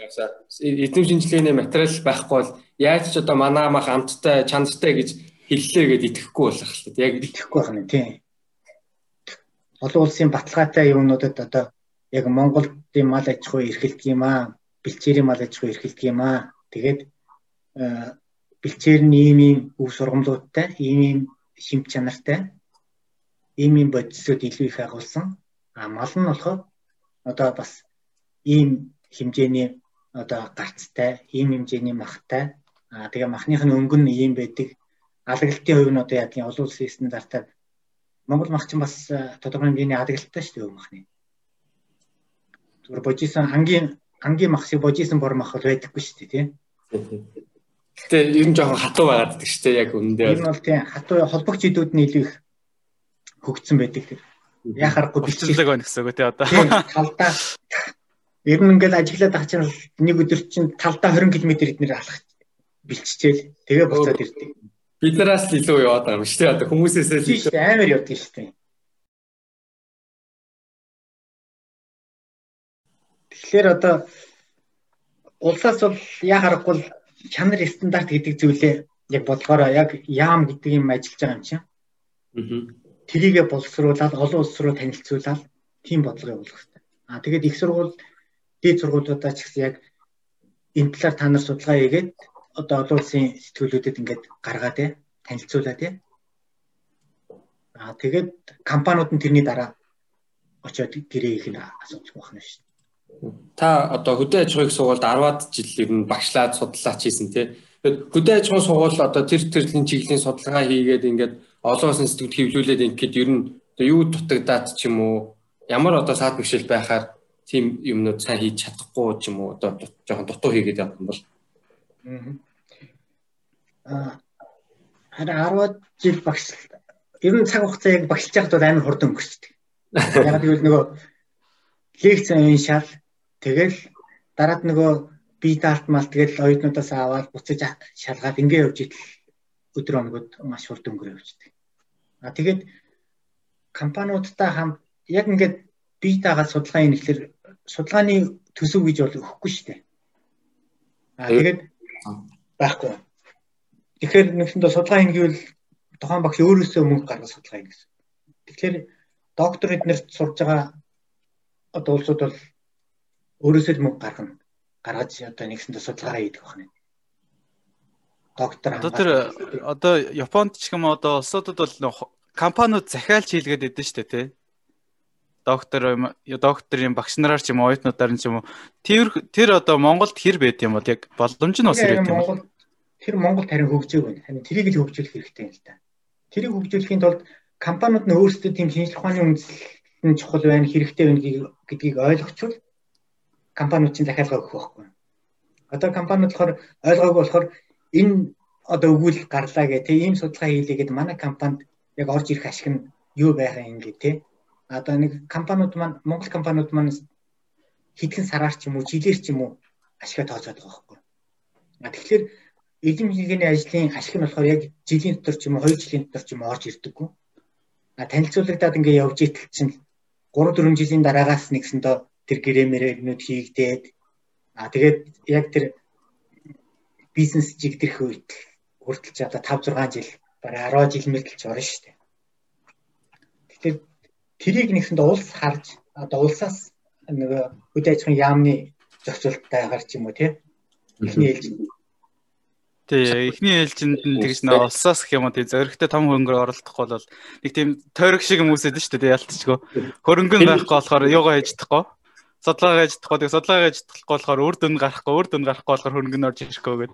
Компаниуд нь өөрсдөө бас тийм эрдэм шинжилгээний зарцуулаад авах бас тийм боломжтой компанитай жоохон бага байдаг болов тий. Том хэмжээнд хөгжсөн 10 ирээдүгөө хардаг ч юм уу. Тэгээ бас нөгөө манай монголчин оюутны сургалтын зардал чинь их ямдхан шүү дээ. Одоо жилийн төлбөр нь одоо сая 200 200 ч гэдэг юм уу тий. Одоо нөгөө хувийн цэцэрлэгүүд баг илүү өнтэй болсон л шүү дээ. Тийм шүү дээ. Хүүхдийн цэцэрлэг илүү өнтэй. Одоо хувийн сургууль мургуулууд нь илүү өнтэй. Ихтэй зургуулаад тасаа. А тэгээд ирэхээр ямар сөрөг нөлөөлөл байдгийг гэхээр нөгөө яг тэр энэ биолог а одоо химийн хувьтай сургалтууд чинь ерөнхийдөө лаборатори их хэрэгэлдэг. А тэгээд лабораторийн эм урвалжууд те тоног төхөөрөмжүүд бүгднийг бас манайч гаднаас авдаг. Тэгээд ирэхээр нөгөө эм урвалж тэр юмны зардал нь өндөр болчихдээ. Тэгээд ирэхээр нөгөө оюутнуудаа дөнгөж нэг үзүүлэх төдий одоо хідэн урвалууд үзүүлчихэл те. За тижээлийн химийн найрлагыг одоо өөр таслаг юм ингэж үзнэ гэж 20 30 оюутан тойруулаад дунд нь ганцхан багчин дээр ингээл тэр хол байгаа оюутан бол харж амжихааргүй л ингээл писфас гэж алгалчих нь шүү дээ. Тэгээ ер нь бол одоо их сургуулиуд маань санхүүжилт айгу дутуу байгаас л ер нь бол болоод байгаа юм. Ер нь бол одоо боломжтой бол улс төр жоохон хөдөө аж ахуйн сургууль руу нэг жоохон санхүүжилт өгөөл гэх юм бол энэ нэг тойрог ингээл одоо арай нэг хөгжлийнхаа зам руу орох эхлэн тавигдлаа. Нэг эндээс 5 жилийн 5 жилийн цаад хөгдөн ч юм 10 жилийн цаад хөгдөн гэдгээр бодоод өнөөдөр санхүүжилт өгчүүл тэр одоо гарч чадахгүй байгаа тойргоо тойргийг задлж өгөх байхгүй. А тэгэхгүй одоо яг хувийн компаниуд шиг одоо яг энэ судалгаа хийгээ жилийн дараа тэдэнд хөрөнгөний ашиг олох гэдэг ингээд дайраад ивэл одоо өгөхгүй л дээ. За тэгэхээр яг хаа одоо таны яг одоо ингээд юу юу одоо ингээд таны хувьд одоо та мэдээж одоо зах зээлээ ч юм уу одоо Монголын нөхцөлөд сайн ойлгож байгаа хэлтэй. Ер нь ингээд судалгаа нь хөгжөөд экспортлдог боллоо гэд Монгол маань одоо инглээ гэд одоо түрүүний яриад байгаа нэг жижиг жижиг за жижигч бишэлтэй ингээд энэ одоо яг хөгжих ёстой тэр цэгүүдийг нь олоод хөгжүүлээ гэхэд Монгол ер нь таны багцаага ингээд таны төсөөлөөр хэр хэмжээний экспортлдог ч юм уу ингээд таны ирээдүйд одоо ийм болчоод яг ийм болох уг нь боломжтой даа гэсэн тийм төсөөлөл ямар вэ? Монголын яг одоо мал аж ахуйн индастри салбар ерөнхийдөө одоо зайл нэг улсын улстай харьцуулдаг юм уу яг тэр улс шиг болчих байх таа ч гэдэг юм тийм юу юу байна яг уу тэгж харьцуулж бас бодог юм байна. Гэтэ ер нь бол нөгөөц болцооны хувьд бол одоо Монгол бол жилд доороо иж нэг 20 сая мал ч юм уу экспортлох боломжтой байхгүй. За 20 сая малныхаа 15 саяын хонь гэж бодчих. Тэгээд экспортлоход нэг хоног одоо Монголд ихэд чинь бараг л ихэд 200 сая төгрөг мөгөр болчиход байна уу? 100 доллар За 70 доллар эднэргээд бодоод 20 сая чи бас нэлээд мөнгө орж ирэхээр байгаа даа үстэй. Зөвхөн махаараа гэдэг тий. Тий. Гадагшаа гэвэл өөр үнэтэй болно шүү дээ тий. А гадагшаа ерөнхийдөө бол яг л дотооддоо зарж байгаа үнээрээ л зарна гэсэн тооцоотой явна л та. Нэг тэрбум доллар болох юм байна. Хэрвээ 70 доллараар нэг хон зараад 15 сая хон зарж чадах юм бол нэг тэрбум доллар болох юм шүү дээ. Нэг тэрбум доллар тийм. Тиймэрхүү маягаар одоо тэгэхэд чинь улсын нийт төсөвч 10 тэрбум байгаад байгаа шүү дээ. Тийм. Монголын эдийн засаг 10 тэрбум гэвэл бараг тэгэл 10% зас эдийн засгийн 10% шууд дэлгэтгэл юм байна те ер нь бол айгүй том том. Тэгвэл хонороо. Энэ бол саяхан 10 хэдэн жилийн өмнө л Монголын нийт одоо дотоодын нийт тэгэхэд яг дотоодын нийт бүтээгдэхүүний хэмжээ нь өөрөө л 1 тэрбум доллар хавцаа байсан гэдгийм байлээ. Тэгж яхад бол нэг 20 хэдэн хувь мөв нь яг хөдөө аж ахуйгаас ялангуяа хөдөө аж ахуй дээр мал аж ахуйгаас 90% нь ордог байсан юм лээ. Тэр 90 оноос өмнө гэсэн үг үү те? Тийм 90 оноос өмнө. Тэр үед чинь болохоор Орос руу ерөнхийдөө бид нөгөө. Тийм мал мах хаях гаргадаг гэсэн. Тэгэд чинь малын тоон 20 эд нь 25 сая мал байсан шүү дээ. Одооных шиг тэр 70 80 сая биш.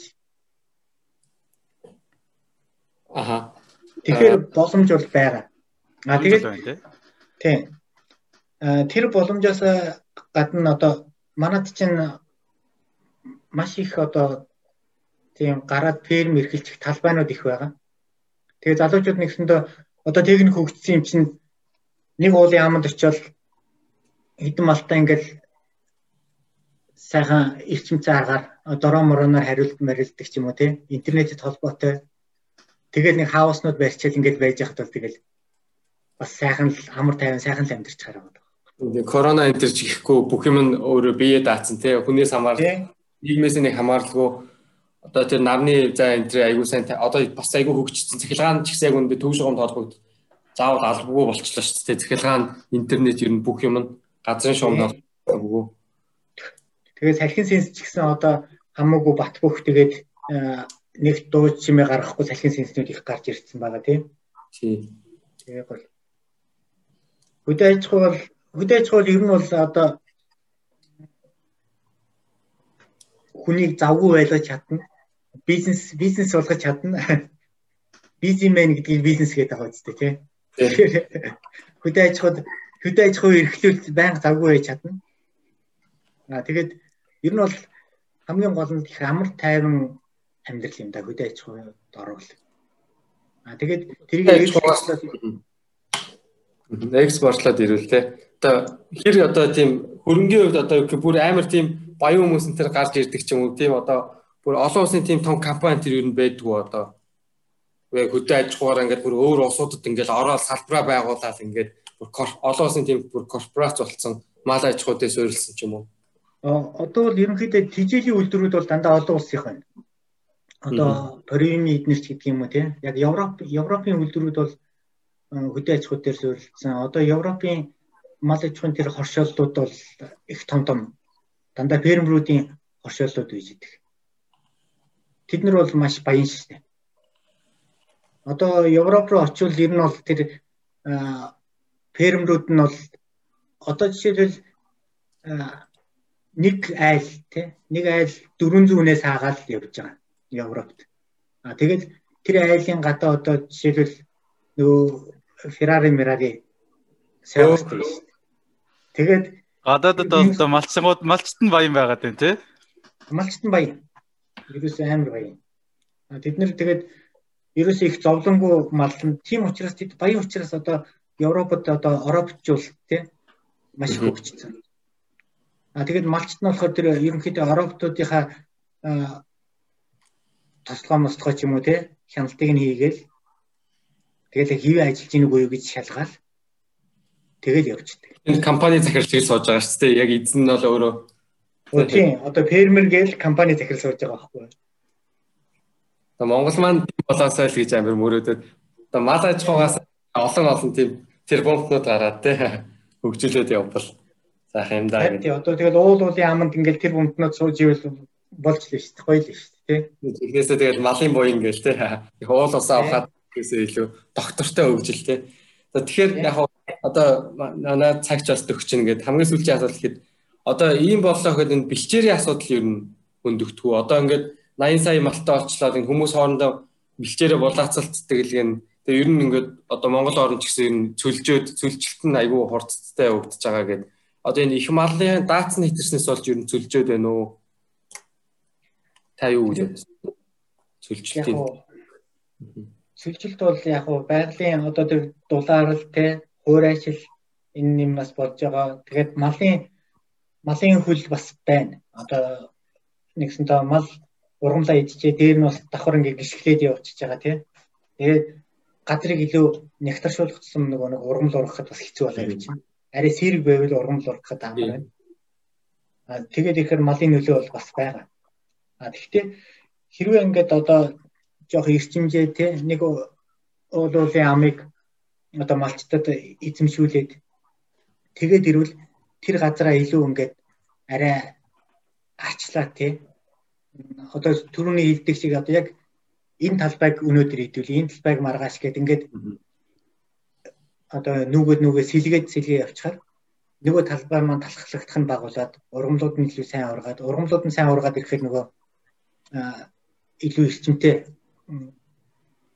одоо талхлахгүйгээр талбайгаа ашиглаад байж байгаа байж байх боломжтой. Дээр нэг одоо тэр уурган хүрхгүй байвал илүү уурагтай бууртагт ургамлц юм уу те малчид өөрсдөө тариалаад эхлэх нь шүү. Тийм байдлаар явчихвал бол бас л. Тэгэхээр ер нь бол одоо ингээд байгаараа үргэлжлээд нүүдлийн аж ахуйгаар ингээд яваад одоо миний санахад 2 жилийн өмнө уг нь 50 сая 60 сая гэдэг байсан чинь ингээд энэ жилийн мэдээ харахаар 70 80 сая гээл одоо баг жилд 10 сая өсөд байгаа юм тийм Монголын мал одоо geometry progress ороод ингээд өсөд тахаар ерөөхдөө чимтсэн тал руугаа орохгүй бол үр ашиг багтай хэрнээ ингээ жоохон зүлжүүлээд байгаа юм биш үсттэй гэсэн тийм одоо санаа зовх юм тэгж байгаа хүмүүс юу нэг харагдаад идэв. Энэ нэг одоо байгаа нэг юм а өөрчлөхгүй бол систем ээ гэх юм уу? Тийм хэрэглээндээ хэрэглээнд оруулахгүй л нэгсэндээ илүү их бөөгнөл үүсгэж байна гэсэн үг шүү дээ тий. Аа хэрэглээнд юм ер нь хэрэглээнд оруул ороод яг ингээд тогтворжоод яг гүү одоо судцаар тус гүйдэг шиг адилхан тэгэж тогтмол гүйж ивэл малч гэсэн тийм ингээд тогтмол эргэлтэнд ороод ингээд явж ивэл илүү эрүүл илүү сайн залууд нь лад тийм уг нь байлгахгүй тийм бусад гаж нөлөөнүүд ч одоо сөрөг нөлөөнүүд багтай байна гэсэн. Тэгэхээр арай нэг одоо яг ингээд нэг юм бас нэг юм тойрог байгаа юм л да тий. Одоо угаасаа 3 сая хүн мал хүн чинь одоо тэгэл тэгэл яг тодортой махаа идэж штэ. Тэрнээс нэг хийхгүй штэ тий. Одоо бидний хэмжээ дотоодын хэрэглээ гэж угаасаа одоо хандсан хэрэглээ байгаа. Тэгэхээр малчт нь одоо үр ашигаа сайжруулад малаа их ихсээ сайжруулад байсан ч гэсэн хэрэгжилж байгаа одоо хэрэглээ нь ихсэхгүй болохоор чинь одоо тэр мал нь тэгээд excess буюу одоо илүүдэд тэгээд нядлахгүй ингээд тоон ихсээд байдаг. Тэгээд тэр нь ингээд буцаагаад сөлжүүлээд байдаг ч юм уу. Ирээдүгөө ингээд байгаль орчноо хорлоод байгаа ч юм. Тэгэхээр экспорт нь заавал гарах хэрэгтэй ч юм уу болж байгаа гэсэн үг тийм ер нь бол тийм тэгжиж л нэгсэндээ муу муу малаасаа илүү одоо шилж ингэж муу малаа одоо заазалж те. Тэгж явж ижил яахгүй л одоо ч юм бол муу малнууд их үлдээд ш байгаад ш те. Тэгээ баг сайнаасаа сорчиж идчихэл тэгэл онд оруулах гэж явж идэл тэгэл зодонд алдаад ч юм уу тэгэл юм болоод. Тэр нөө хальт нэг сонирхолтой юм хэлгээ те. Мал муулах гэдэг нь дээр одоо эрдэмтэнс бол одоо хэл хэл судалдаг хүмүүсээс хүмүүсийн ярианаас сонсоход яг мал муулах гэдэг маань монголчууд зундаа баг мах идэггүй байсан. Тэгээ дээрэд тэгээ өвөл мах идэхтэй болохоор яг муугаас нь сорж сорж сорчилж ингэж алдаг байсан. Муугаас нь сорчлно гэх юм одоо юу гэх юм. Муугийн сонгож алдаг. Тэгээ тийм болохоор мал муулах гэж хэлдэг байсан гэдэг байлээ. Тэгээ муугийн заазлаа тий. Өвлийнхаа эзэнд хэрэглээл сайнуудын үлдээгээл тэгэл явдаг гэсэн. За тийм байна. За тэгээд хараа судалгаан дээр хэлэх гээдсэн нь болохоор юу юм бэ шүү дээ. А би солонгос бас доктор сурч ирсэн. Гэхдээ нэг жил нэг жил судалгаагаар явчаад тэгээд ар гэрийн нэгсэндээ эхнэр хүүхдээ татчих чадахгүй болохоор буцаад Монгол руу гарцсан. Аа. Тэр үед ямар судалгаа хийсэн бэ гэхээр ногоон цайны хаягдлаар малт хийжээгээд нэгсэндээ антибиотик хэрэглэхгүй гэдэг. Одоо ч гэсэн ер нь эрчимцэн аж ахуйнууд бүгдээрээ тийжилдээ антибиотик холдог. Яг гэвэл нөгөө түрүүн хэлжсэн шүү дээ. Мал хитрхи бөөгнөрөөд ихээр өрсөлдөвч юм өвчин бий болох гэдэг. Тэгэхээр тэрнээс сэргийлээ антибиотик. А тэгээ ногоон цайны хаягдлыг хэрэглэхээр антибиотик хэрэглэхгүйгээр тухайн перми дахин аж ахуй, хаа аж ахуй, а тэгээ ямааны аж ахуй. Би болохоор тийм буруу аж ахуй дээр судалгаа хийсэн. Антибиотик хэрэглэхгүйгээр явж болох юм байна гэдэг. Тэгэхээр ер нь ферми мал ингээ зүгээр тогтмол баг антибиотик хэрэглэдэг гэсэн үг баг. Өөрчлөлт сэргийлэх маягаар ингээд. Харин тэр аюул. А тэгэхээр ферми мах муу гэдэг нь бас одоо тийм тогтмол антибиотик хэрэгэлсэн мал энэ төр гэлэхээр бас жоохон сонирхол юм байна тий. Яг уу одоо тэр нөгөө эрдэмтэд гэх юм уу те? Мал аж ахуйн мэрэгчлэнээр болохоор одоо тэр аж ахуйгаа илүү ашигтай одоо олон мал байлгахын тулд яг харахгүй тэр эмийн юмнууд хэрэглээд а тэрийг ингэж нөгөө нэг шимэгддэг хугацаа гэж байна. Одоо жишээлбэл тэр антибиотик хэрэглэлээ 45 хоногийн дараа бол тэр антибиотик биес бүрэн гадагшилсан байна. Нэгсэндээ тэр дотор нь байгаа нянгуудтэй бактериудыг устгаад тэгээд баасаар нь зүг гарцсан байх хэвээр 45 хоногийн хугацаанд. А яг судалгаагаар бол тгээ гарчиж байгаа. А гэтэл амьдрал дээр болохоор нөгөө малчид чинь арай их хэмжээгээр өгдөг ч юм уу тий энэ сайн гэдэг. А тэгэн гут нөгөө 45 хоногийн хугацаанд гадагшлаагүй байхад нь нядлагаанд оруулаад тэгэхээр нөгөө цуснд нь үлдсэн. Тэгээ маханд нь үлдчихнэ гэсэн үг. Тэгэхээр ингээд буцаад нөгөө хүний бие хор тавдар үүсгдэг гол асуудал болоод байгаа. Тийм бас асуудал байгаа юм байна тий. Одоо бас тэгээ сүүлийн үед одоо зүгээр одоо гэрийнхнээсээ л тий сонссон юм л та би тэгээд тэгэхэд одоо нөгөө динжимийн ингээд махны зах энтрээсээ авахад танихгүй малчтын мах ингээд айгүй осолтой болцсон ингээд бас хүмүүс жоохон тийм итгэхгүй болоод янз янзын бодсон тэр тарьчдаг. Нядлахаас өмнө таргалуулдаг юм энэ тэр тарьж байгаа тэгээд нядлцдаг энэ тэр гээд тиймэрхүү юмнууд бас ер нь байдаг уу те яг жигнэсээ. Харин одоо тэр ивомек бас антибиотик байгаа шүү дээ. Ивомекийг их хэрэгэлдэг болчиход байгаа. Тэгээд малчид маань болохоор мэдхгүй юм ч байна, мэдчихсэн ч гэсэн одоо тэгээ өөрөө идэхгүй гэдэг ч юм уу тийм байдлаар одоо жишээлбэл Ивомиг тарьсан байхад бол тэр доор иж 45 хоног болгож иж махан дэргэлэх нь шүү дээ. Тэгэхээр тэгэл тарьчаал 45 хоног болоог байхад нь ядалж ивэл тэгэл болохгүй болчихж байгаа байхгүй. А тэгээд янз бүрийн идэ буглаатай өвчтөе мал. Өвчтөе малыг үнэндээ бол хүнсэнд хэрэглэж болохгүй. А гэтэл тэр идэ буглаатай мал итэр чигээр нь хүнсэнд гаргаад тэгээд ихээр дотроос нь юм гарч ирж байгаа гэдэг нь тэр нөгөө тарьсан тариа мараа ингээд тэр чигээрээ бугалцсан байж лээ гэсэн үг л дээ. Асуудал байна. Юунууд одоо тэр юугаа яахгүй үг шүү дээ. Яг нөө одоо их 45 хоногийн тэр зайгаа яг яг яг барихгүй байна гэсэн үг тийм. Технологи барихгүй байна гэсэн үг. Технологи барьчвал аюулгүй тодорхой хэмжээгээр аюулгүй гэсэн баталгаа өгч байгаа. Гэхдээ бас л ер нь бол тэгээд ногоон цайгаар ч юм уу байгалийнхын тийм юмар хэрэгэлчүүл тэ? Им хэрэглэхгүйгээр. Хими. Бүр хамгийн тэ. Тэгвэл одоо бидний бие илүү амархан шингээд илүү яг хүнс тийжэл болох юм. А тэгээд тэр ногоон цайны судалгаа хийж явж байхад би бас нөгөө тэр мал дээр ингээд махныхын амт нь өөрчлөгдөх нь чандар нь өөрчлөгдөх нүгээ үзээд явж байхад а ногоон цай бол ерөнхийдөө одоо биологийн олон төрлийн бодис агуулдаг. А тэрэн дотор планоид гэдэг нэгдлүүд нүүрс уснууд тийм. Тэд нар илүү их ингээд хялгсан судсыг илүү хөгжүүлж өгдөг юм байна. Хялгсан судсны хаана.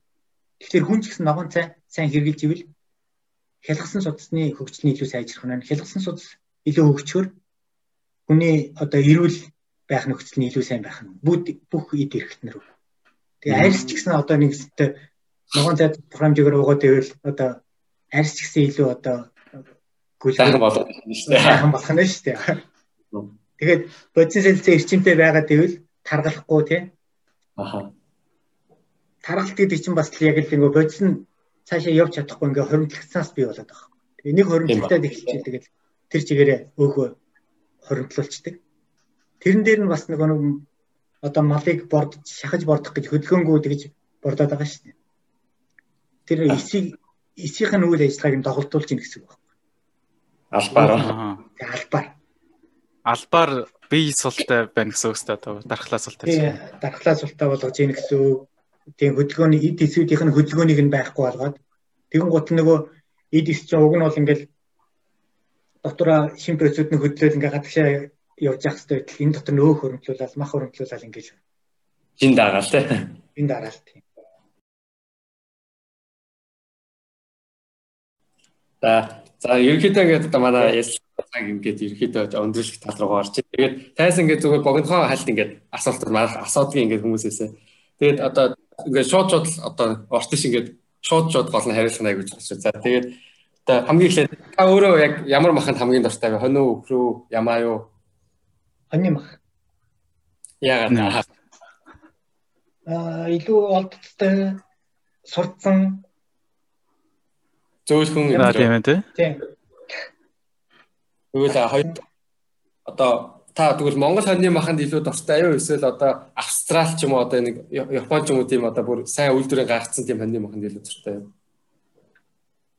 Ер нь тэгэл олдчихвол Монгол энэ Японд болохоор Монгол хоньны мах олдохгүй. Тэгээд Монголоос хэрвээ авчир чадвал тэгэл их дуртай идэв шүү дээ. Тэгээд Монгол махандаа илүү дуртай. Тийм. А гэхдээ Австрали Чадвал Монголыгаа. ялгаагүй юм билээ. Амт нь бол ялгаагүй юм билээ. Австрал хоньны мах уу? Тийм. Бараг л тэр ламп гэдэг одоо төлөвний хурганы мах гэж яриад байгаа тийм. Гэхдээ яг тэр чинь 8 9 сартай төлөв байхгүй. Тэр илүү зөөл амттай. Тэгээ айгуу гоё юм билээ тий. А тэгвэл одоо Монгол өхрийн махан дуртай юу та эсвэл Wagyu гэдэг нэг Японы алдартай A5 Wagyu-нд илүү дуртай юу? Хэрвээ яг ингээ зүгээр хай сонголт байл та яг алийг авч идэх вэ? Зүгээр яг. А яг Wagyu идэн. Ерөөсөө яг ингээд нөгөө өөх мах нь алагдсан байхлаараа нэгсэндээ уураг энергийн харьцаанд тэнцвэртэй байдаг. Тэгээд ирэхээр биед амархан шингээд илүү наалтцдаг гэсэн үг. Тэрүүгээрээ бас сайн борлуулагддаг байна. Амархан таны хувьд аль нь илүү вэ? Яг яг үннийг яг ингээд үннийг хэлэхэд одоо Монгол Wagyu хоёрын аль нь арай гоё амттай вэ? Амт нь адилхан юм билээ шүү дээ. Тийм. Тийм. Яг ингээд яг л Монгол өхрийн махны амт амт гэдэг. Тэр Монгол яг Монгол потенциал байгаа л гэсэн үг тийм.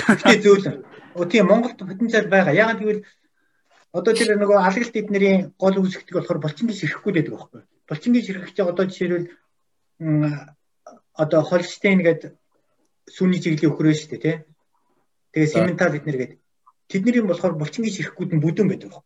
А тэгэхээр Монгол өхрийнх нарийнхан а Wagyu Angus эднэрийн бас нарийнхан байдаг. Тэгэхээр тэр завсараар чи өөх сууж өгдөг.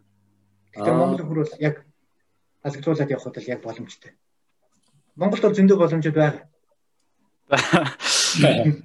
Гэхдээ одоо ингээд надад жоохон гэхдээ юм нэгс ах. Монголд ингээд нэг жоохон гайгүй ч юм уу ингээд ресторанд ороод ингээд менюг нь харахад одоо гоё өхрийн гоё стейкнүүд байхарлаа юм л да. Тэгэхээр ингээд харахад Монгол өхрийн мах гэхээр одоо нэг 20 сая төгрөг ч юм уу тэр байлаа гэхэд доор нь ингээд австрал өхрийн мах шууд сирлоин тендерлоинingүүд хоёр дахь үнэтэй тэр 40 сая 50 сая тэргээд байдаг ч юм уу. Ингээд Монголдоо хүртэл бид нэг ингээд австрал мах тэр авч идэхээр айгүй гонигтай л санагдчихсэн л таас. Тэр бол яг хүмүүсийг одоо ер нь бол яг махны чанар ч юм уу хүнс эднэр мэддэг хүмүүс бол Монгол махаа авч идэнэ. Яг тэр хүнс чинь аль хор шинэ байх тусмаа хүний биед илүү сайн шингэдэг. Биологийн хэдтэй нь илүү идэвхтэй байж байдаг. А гэтэл хадгалах тусам ингээд дотроо уруулд ороод тий нэгдээ задрахгүй бодисод болно. А эсвэл задраад бүр ингээд нөгөө ялтрал явагдаж эхэлнэ тий. Хоршил явагдаж байсан ч гэсэн үү? Тийм хөлдөөсөн байсан ч гэсэн бага хэмжээгээр явна. А хөлдөөчүүл бага хэмжээгээр. Уруулн нэгсэнд удаан явагдана. Гэхдээ бас хуршилт явагдаж байдаг. Угаасаа л тэр органик бодис учраас тодорхой хэмжээний хөдөлгөөнд байгаад байдаг байхгүй. Задрал явагдаж байдаг.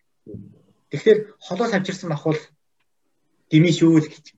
Тэгээ брэнд брэндээр л яваад шүү дээ Австрали. Айлхор тийм айлхор ойроос шинээр нь л хүнсээ хэрглэж исэн дээ. Япончууд тэгдэг шүү дээ тий. Одоо дэлгүүртээ өглөө бол үнэтэй байсан зүйл орой болоход хоёр дахин ямдруулаад бүр баг үнгүй маргааш нь хаяа шүү дээ угаасаа тэр чинь. Дахианы тий дахианы мах цаг чи зөвхөн 3 хоногийн дотор хаяараа маяараа гэдэг хэвчтэй баг. Тий яг л тэгжиж нэгсэндээ хүн эрүүл мэндэ дэмжих байхгүй. За Монголд байгаа хүмүүс маань сонсоод бол одоо ресторанд орвол Монгол өхрийн хай стейкийг авч дээрээ. Ядчил махан шинэ байгаа шүү. Бүр дор хаяж л тий. Тий. Тэрний илүү жоохон таахна шүү дээ. За та тэгвэл өөр мэрэгчлээ байсан бол ер нь ямар мэрэгчлээ болох байсан бэ? Аа би биологч болох байсан. Би багасаа ерөнхийдөө амьтан жижиг дуртай. Тэгээд ягаад ч юм одоо амтан дижэхт их авьяастай байсан. Одоо хүүхдүүдтэй цуг ингээл загас эднэр дижиж илээхэд чи миний дижсэн загснууд илүү хурдан өсөөд хурдан том Аа бүр багасаа л тийм байсан. Багасаа л тийм байсан. Тэгээд загас дижэн гутлаа нэг машинасаар нэг дахиа махаа солиод. Одоо нөгөө өөр байрны хүүхдүүд нэр чинь нөгөө гой загас харангуутаа нэг дахиагаа өгөөд надаас нэг загас авдаг гэсэн. Тэгэл би дахиаг нь бас үржүүлээл. Оо за.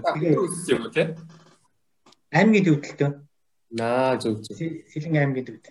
Тэгэхээр бас за дахиагаас тижих боломжтой газар байсан юм тий. Оо дахиад ижэн хойно өхөр ерөөсөө тэр хашаан дотор бол туулаа муулаа тэгээ хооронд нь тэр нохоо туулаа хоёроо зохицуулах гэж боо юм болж шүү дээ.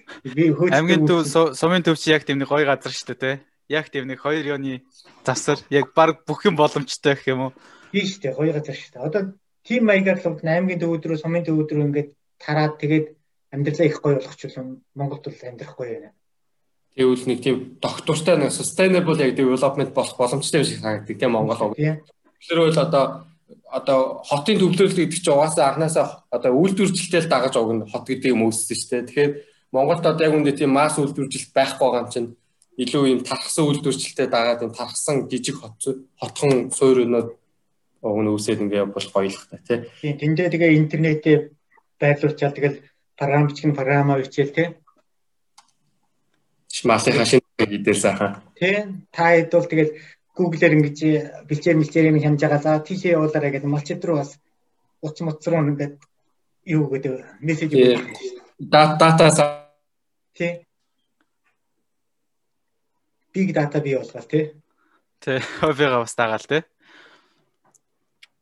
Тийм боломжууд байна. Маш их боломжууд. Тий, боломжууд бол зөндөө байгаа юм байна. Тэгээд өнөөдөр маш олон гоё гоё юм ярьж гисэн ахт би байхдаа баярлалаа. Тэгээд дараагийн одоо дараа дараагийн дугаараар ч таныг бас дахиж оролцуулмаар ер нь бас санагдчихэв. Дараагийн дугаараар ч гэсэн уулзах дахиж одоо хэдэн дугаарын дараа. Өөрж оролцуулсан баярлалаа. Ингээд та хэдэд бас амжилт хүсье. Санаа бодлоо ингээ хоорондоо солилцоод хүмүүстэй солилцоод явж байгаа чинь маш их том дэвшил шүү. Зөв санаа шиг. За баярлалаа. За болдгоо гурлууд подкастын өнөөдрийн удаагийн дугаарыг энэ энэ хүрээ өндөрлөж байна. Тэгээд дараагийн дугаар үсттэй түр баяртай. Яа баяртай.